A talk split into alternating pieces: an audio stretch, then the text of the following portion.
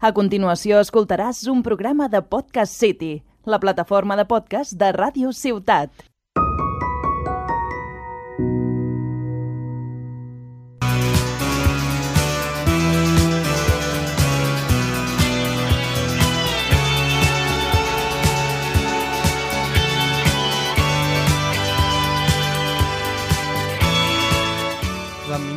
Programa del podcast Parlem del Nàstic. Avui parlaré sobre el partit davant el Centre d'Esport Sabadell i la prèvia del pròxim partit contra la Real Balompèdica Dinense. El Club Gimnàstic de Tarragona pren la nova Creu Alta davant el Sabadell en un partit on el conjunt gran va pecar de contundència i el pròxim partit serà davant la Real Balompèdica Dinense, un equip que lluita per la salvació. Pel que fa al postpartit davant el Centre d'Esport Sabadell, el resultat va ser de derrota per 2 a 0, tot i que la primera part no es feia veure aquesta derrota de manera tan clara, podíem dir, perquè la primera part va ser algo més igualada, on el Nàstic va tindre ocasions per marcar el gol, més que el Sabadell, podríem dir, passa que el Sabadell a la segona part ens va, diguéssim, matar les contres, ens va fer molt de mal matar les contres amb un gran Aaron Rey que va marcar el segon gol del Centre d'Esport Sabadell, que finalment van acabar guanyant el partit. Si al final, a la primera part, no marques gol i falles ocasions tan clares com les que va fallar Pablo Fernández, perquè estan a l'àrea petita sol i remates de cap i el porter del Sabadell està veia al terra, si la tires on està, la, on està el porter del Sabadell, te la pararà, tot i que estigui al terra. En canvi, si la tiraves cap a l'altre costat, era impossible parar, no parar ni el millor porter del món. Per tant, tornem a estar amb una altra errada de Pablo Fernández, que em porta unes quantes aquesta temporada, i és un jugador que no és que estigui decepcionant, perquè tampoc va vindre aquí amb un cartell massa elevat, venia de Cornellà, però li falta més a Pablo Fernández, perquè no estem veient a Pablo Fernández. A Cornellà et marcava gols, tot i que Pablo Fernández al Cornellà no jugava com a, tampoc com a davanter centre, com a referència, jugava com més un segon punta, migcamp... no, migcampista tampoc, evidentment, no jugava ni un davanter centre, juga com un segon punta migcampista ofensiu, per tant tampoc li podem demanar tants gols, però si ara jugues com a davanter centre, t'hem d'exigir més gols, i que, fallis, i que no fallis ocasions com acabes fallar, perquè aquella ocasió Dani Romera es treu un cabezazo d'allí i la pilota se'n va al pal, però després el rebot tu l'has de ficar, tens l'obligació de ficar-la, en canvi la falles, per tant, és una altra d'aquestes errades, com estic dient, de Pablo Fernández, de l'Asturià, que està donant molt, molt mal rendiment en aquesta plantilla aquesta temporada. A veure si ho parem que en aquests quatre partits que queden les canvi i ens pugui donar felicitat en aquestes quatre partits que ens queden. La segona meitat, com dit abans, va ser molt dolenta, el Sabadell ens va perforar les contres, no vam saber, passa, no, no vam saber defendre, dic sí que vam saber defendre perquè estàticament quan defensàvem estava bé, sinó va ser també que vam fer, vull dir, vam tindre ocasions, però quan teníem, diguéssim, un contra un porter, va passar dues vegades, la passàvem. Vull dir, no ens atrevíem a xutar.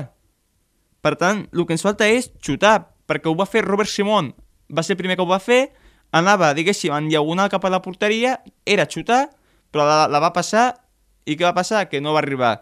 A, les, a la, minuts després van fer el mateix Dani Romera. Més o menys la mateixa jugada.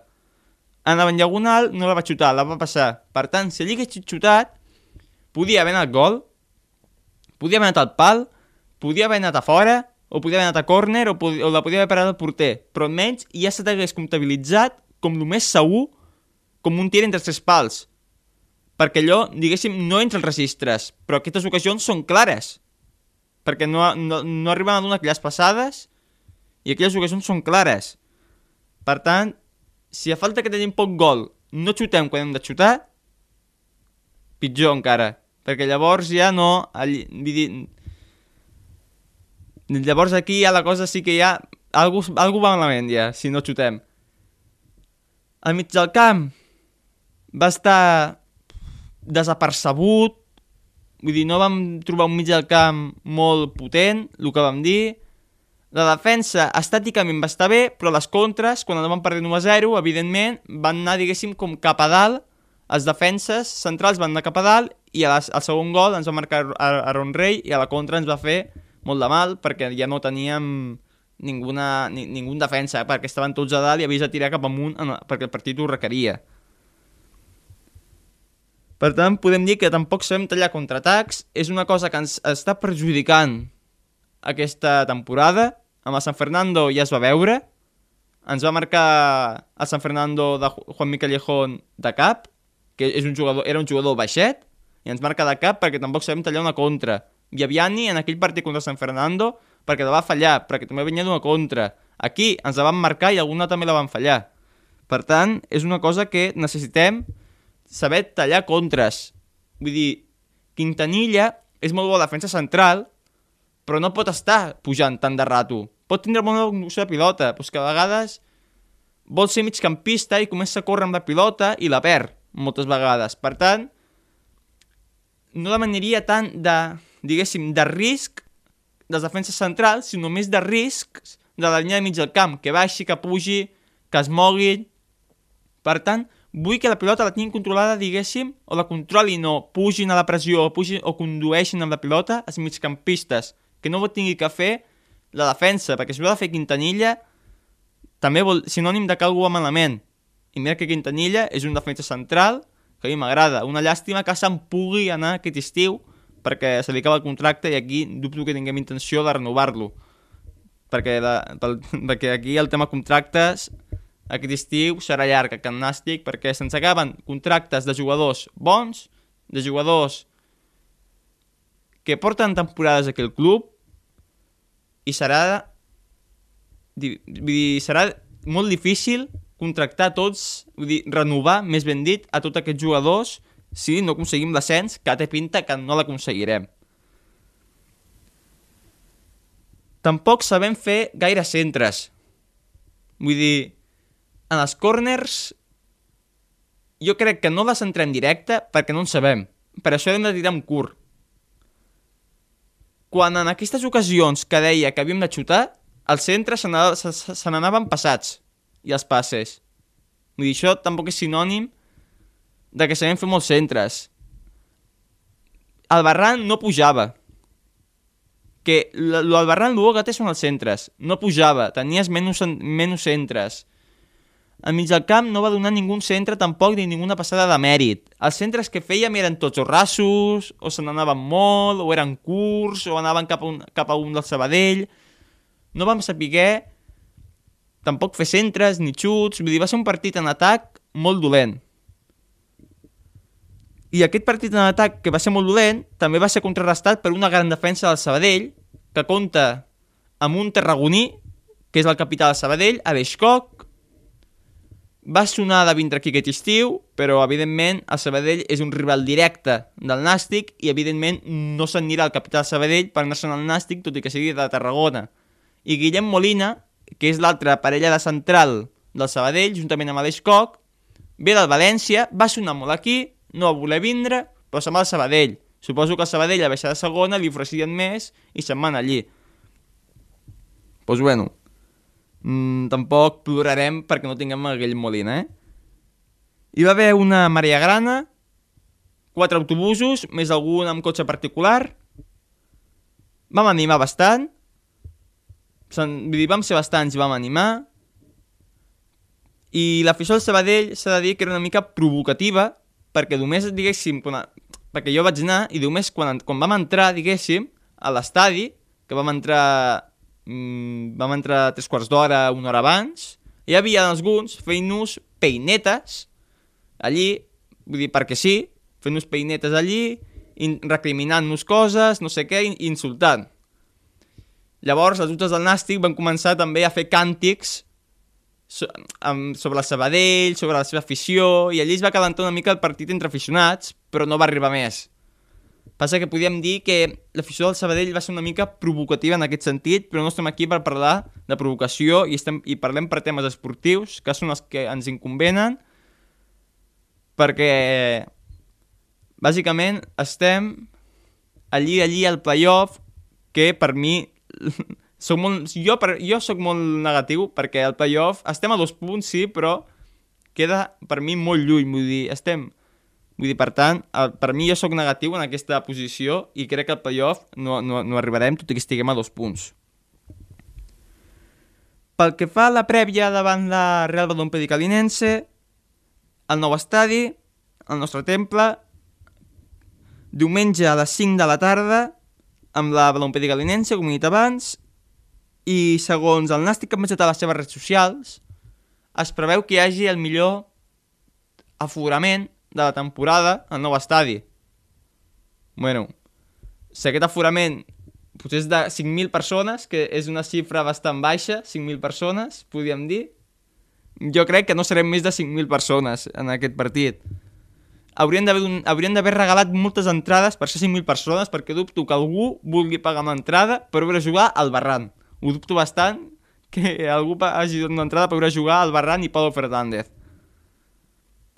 La, la, la Real Balompié Calinense, també anomenada Balona, a l'últim partit va salvar un empat davant el Sevilla Atlético al minut 96 i la, a la Real Olímpica Calinense li van fer un robatori bastant important la, la, la, la temporada passada, sinó el partit passat, perquè el partit era de guanyar i de fet el van, vull dir, el van empatar, però un defensa civil Atlético va treure les mans, diguéssim, o sigui, la pilota anava dintre i va allargar la mà i la va treure, i l'àrbit no va assenyalar ni penalti ni vermella. Per tant, li van fer diguéssim, un robatori bastant important dels àrbits que són molt dolents en aquesta categoria, com estan demostrant cada jornada més. A la Real Balompié Calinense compta amb els exjugadors grana Alberto Baro i Gerard Oliva, un Alberto Baro que diria que no ha jugat al primer equip, si no ha jugat a la Pola Mafumet, tot i que va estar convocat en bastants partits amb el primer equip, i un Gerard Oliva que és d'aquí Rodacanyes, és d'aquí prop a Tarragona, la seva temporada l'any passat no és que diguem que no, no va ser molt bona, no va marcar molts gols, se'l recriminava més, però almenys lluitava. En canvi, podríem dir que el reemplaç ha sigut Pablo Fernández, perquè són dos jugadors més o menys igual, alts... Podríem dir que són dos jugadors més o menys igual, eh, salvant les distàncies, però en teoria hem fixat a Pablo Fernández i hem deixat a Gerard Oliva, que per mi Pablo Fernández no ho està fent millor que Gerard Oliva. Almenys Gerard Oliva li fotia ganes. Pablo Fernández és que no el veig. A Pablo Fernández el problema és que no el veig. El veig molt dolent, el Pablo Fernández. A mi, que, a mi que, que em diguin el que vulguin és que no sé què, salta, però el veig molt dolent, el Pablo Fernández. Vull dir, no hi ha més. Vull dir... Jo crec que hi ha una altra opció de ficar de titular que Pablo Fernández tots els partits. Vull dir, Frank Carbia, dubto que estigui entrenant molt, ma molt malament perquè no jugui titular, Frank, vull dir, perquè no jugui titular Frank Carbia per damunt de Pablo Fernández. Vull dir, ho han, ho han d'estar fent molt malament els entrenaments perquè Pablo Fernández jugui titular. Perquè no entenc com Pablo Fernández pot ser titular en aquest equip. Vull dir, no marca ni, a l'arcoiris. Pablo Fernández és molt dolent. No marca. No marca. Hem fitxat aquest tio i hem fet fora Gerard Oliva, que Gerard Oliva tampoc era un golejador, però menys era d'aquí era a part dels capitans i fotia ganes. Pablo Fernández des d'Astúries és la primera temporada que porta aquí i no li fot ni ganes. En sèrio de tragar Pablo Fernández? De tragar Pablo Fernández? Prefereixo un tio d'aquí dolent que un tio d'Astúries i dolent. Almenys. És un rival que lluita per la salvació. Va començar la temporada molt bé, estan en zones de playoff, era l'equip revelació de la Lliga, però a mida van baixar, diguéssim, la, la bona ratxa que tenien i ara estan lluitant per la salvació, per la salvació. Han destituït el seu entrenador, Romirito ja no està, ara està un altre. bueno, quan l'equip va malament, canvies d'entrenador, no com el Nàstic, que l'equip va malament i continuem tenint en Raúl Agné. Vull dir, potser hauríem d'aprendre d'altres equips de quan una cosa va malament canviar-la, no quan una cosa va malament no canviar-la i, i deixar-la intacta. La meva alineació titular seria Manu García, John Oriol lateral esquerra, Quintanilla trilles centrals, Pol Domingo lateral dret, ha de jugar titular ja. No pot ser que Pol Domingo no sigui titular en aquest equip i que em passa, em passa el mateix que Pau Fernández. Com pot jugar al Barran abans que Pablo Domingo. És que ho ha d'estar fent molt malament pel, pel domingo, els, els entrenaments pel domingo. Dir, no pot ser que el Barran jugui titular. Després, al mig del camp, ficaria Bonilla, és un jugador que per les faltes potser només té golpeig de pilota, però és que el Nàstic és l'únic que sap fer centres de cens. Ell i Joan Oriol són els únics que saben fer centres. Per tant, alguna falta, penalti, cosa que tinguem, s'ha d'aprofitar aquestes poques opcions que tenim. Pedro del Campo, per mi ara mateix és indiscutible. Ficaria Robert Simón, tot i que el seu rendiment està baixant, jo crec que encara és el titular. Anil Jiménez no el veig encara titular.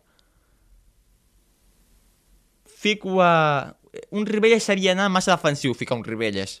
I si anem massa defensius amb la balompèdica d'Inés a casa amb una final, la perdrem. Per tant, jo ficaria a Yannick Buila. Transformaria una mica al mig del camp. Yannick Buila. I a dalt ficaria a Dani Romera, tot i que no sigui un golejador, és el millor davanter que tenim al Nàstic, i al costat li ficaria a Fran Càrbia.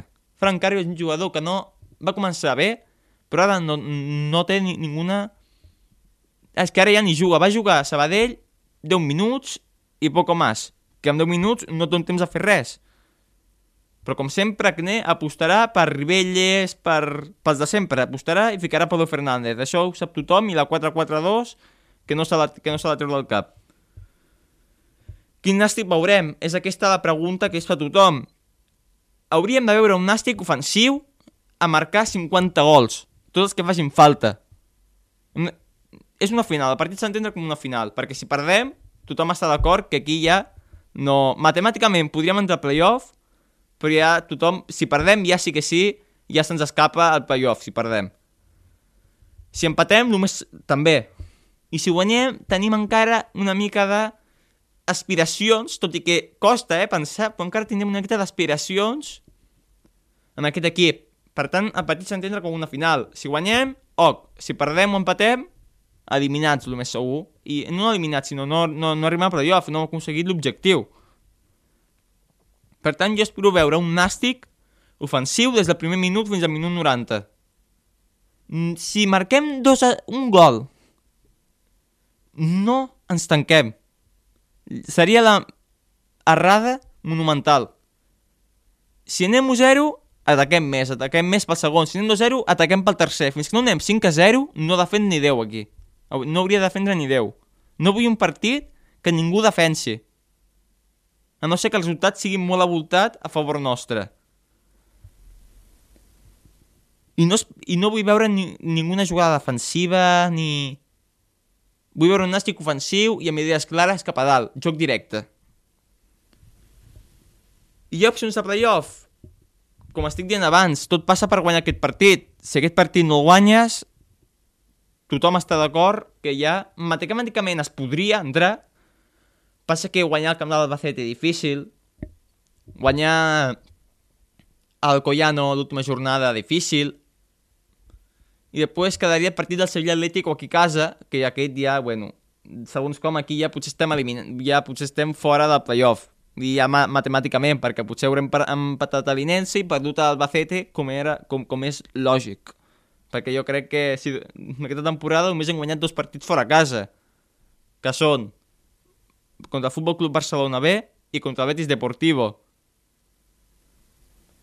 I amb el Futbol Club Barcelona B és amb l'únic equip de dalt que tenim el gol average guanyat. Per tant, encara és més difícil per creure en aquest playoff.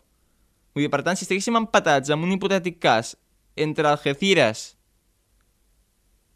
entre Real Madrid-Castilla, per exemple, i... i Nàstic, va ser Real Madrid-Castilla. Vull dir, ens sortim perjudicats del gol, del gol average. Per tant, això és una cosa que també influeix, perquè un empat, el més segur és que ens quedem fora. Si no és que sigui el Barça B o el Collano, que de, de moment el tenim guanyat. Per tant, com estic dient, aquest partit és una final, vull que el nou estadi sigui una caldera, tot i que costi molt creure-hi, vull que el nou estadi sigui una caldera. Si hi ha 5.000, 5.000, si hi ha 3.000, 3.000, i si hi ha 1.000, 1.000. Vull tots que animin. Perquè com perdem, ja sí que sí, una, un, ens espera un, el més segur un altre any el Pou de la segona B o primera ref, com li vulgueu dir.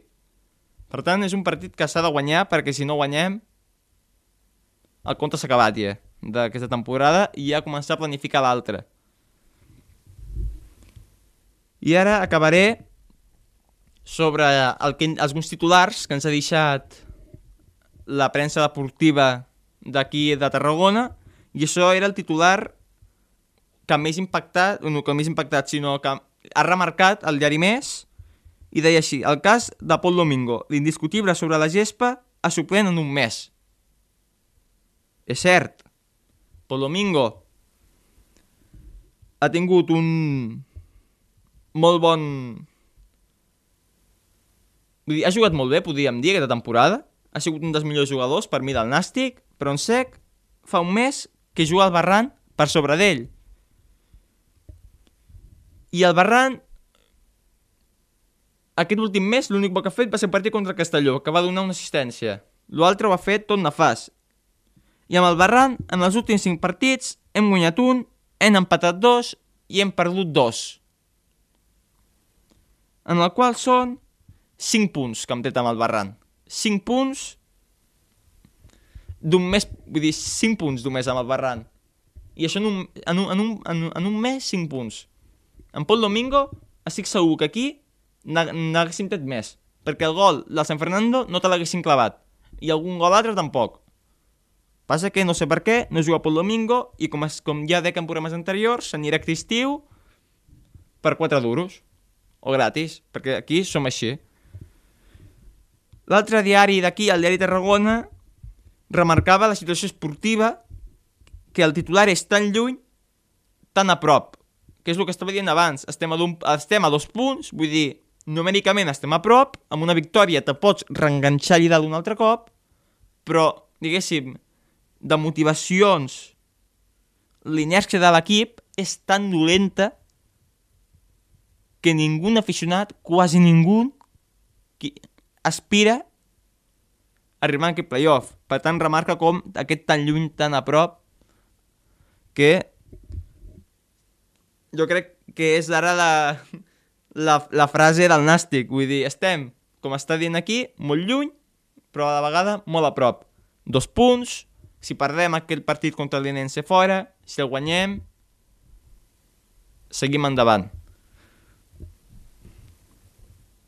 S'ha de creure en aquest equip, costa molt creure en aquest equip, tal com ara. Fa un mes t'hagués dit s'ha de creure, però ara mateix costa molt.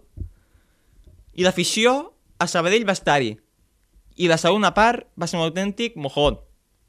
Però vam estar-hi. I vam animar i se'ns va escoltar més que el Sabadell. També vull que hi hagi afició en aquest partit. Però que l'afició canti. No, no que canti, sinó que, que, que faci esclatar el nou estadi, Costa Daurada, perquè ara em ficat aquest nom, sobrenom. Per tant, s'ha de guanyar aquest partit. Sí com sigui, s'ha de guanyar. Si perdem, a planificar la temporada següent. Si perdem o empatem, adeu. Per tant, ho torno a dir, Club Gimnàstic de Tarragona guanya aquest partit.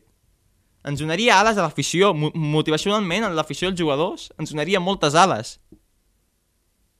En, en canvi, si empates, cuidao que no baixem si empates o perds. Perquè el, el nivell motivacional baixaria tant que encara, en, en, encara podem baixar. Per tant, hem d'estar playoff, però sí, cuidao que a baix tampoc ha estat salvat. Han baixat el Costa Brava, com era d'esperar, un equip molt dolent, i el... i el Betis Deportivo, que va guanyar a l'Andorra, que l'Andorra era líder. I Luca Murcia, que també sembla que baixarà. Però nosaltres, què vam fer amb ells? Empatar fora.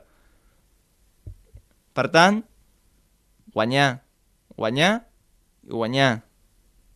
Només queda pensar això. I després ja passarà el que hagi de passar. Però amb la Real de d'un Pedicadinense has de guanyar, guanyar i guanyar. I fins aquí el programa d'avui. Gràcies un dia més per escoltar-nos aquí al podcast Parlem del Nàstic.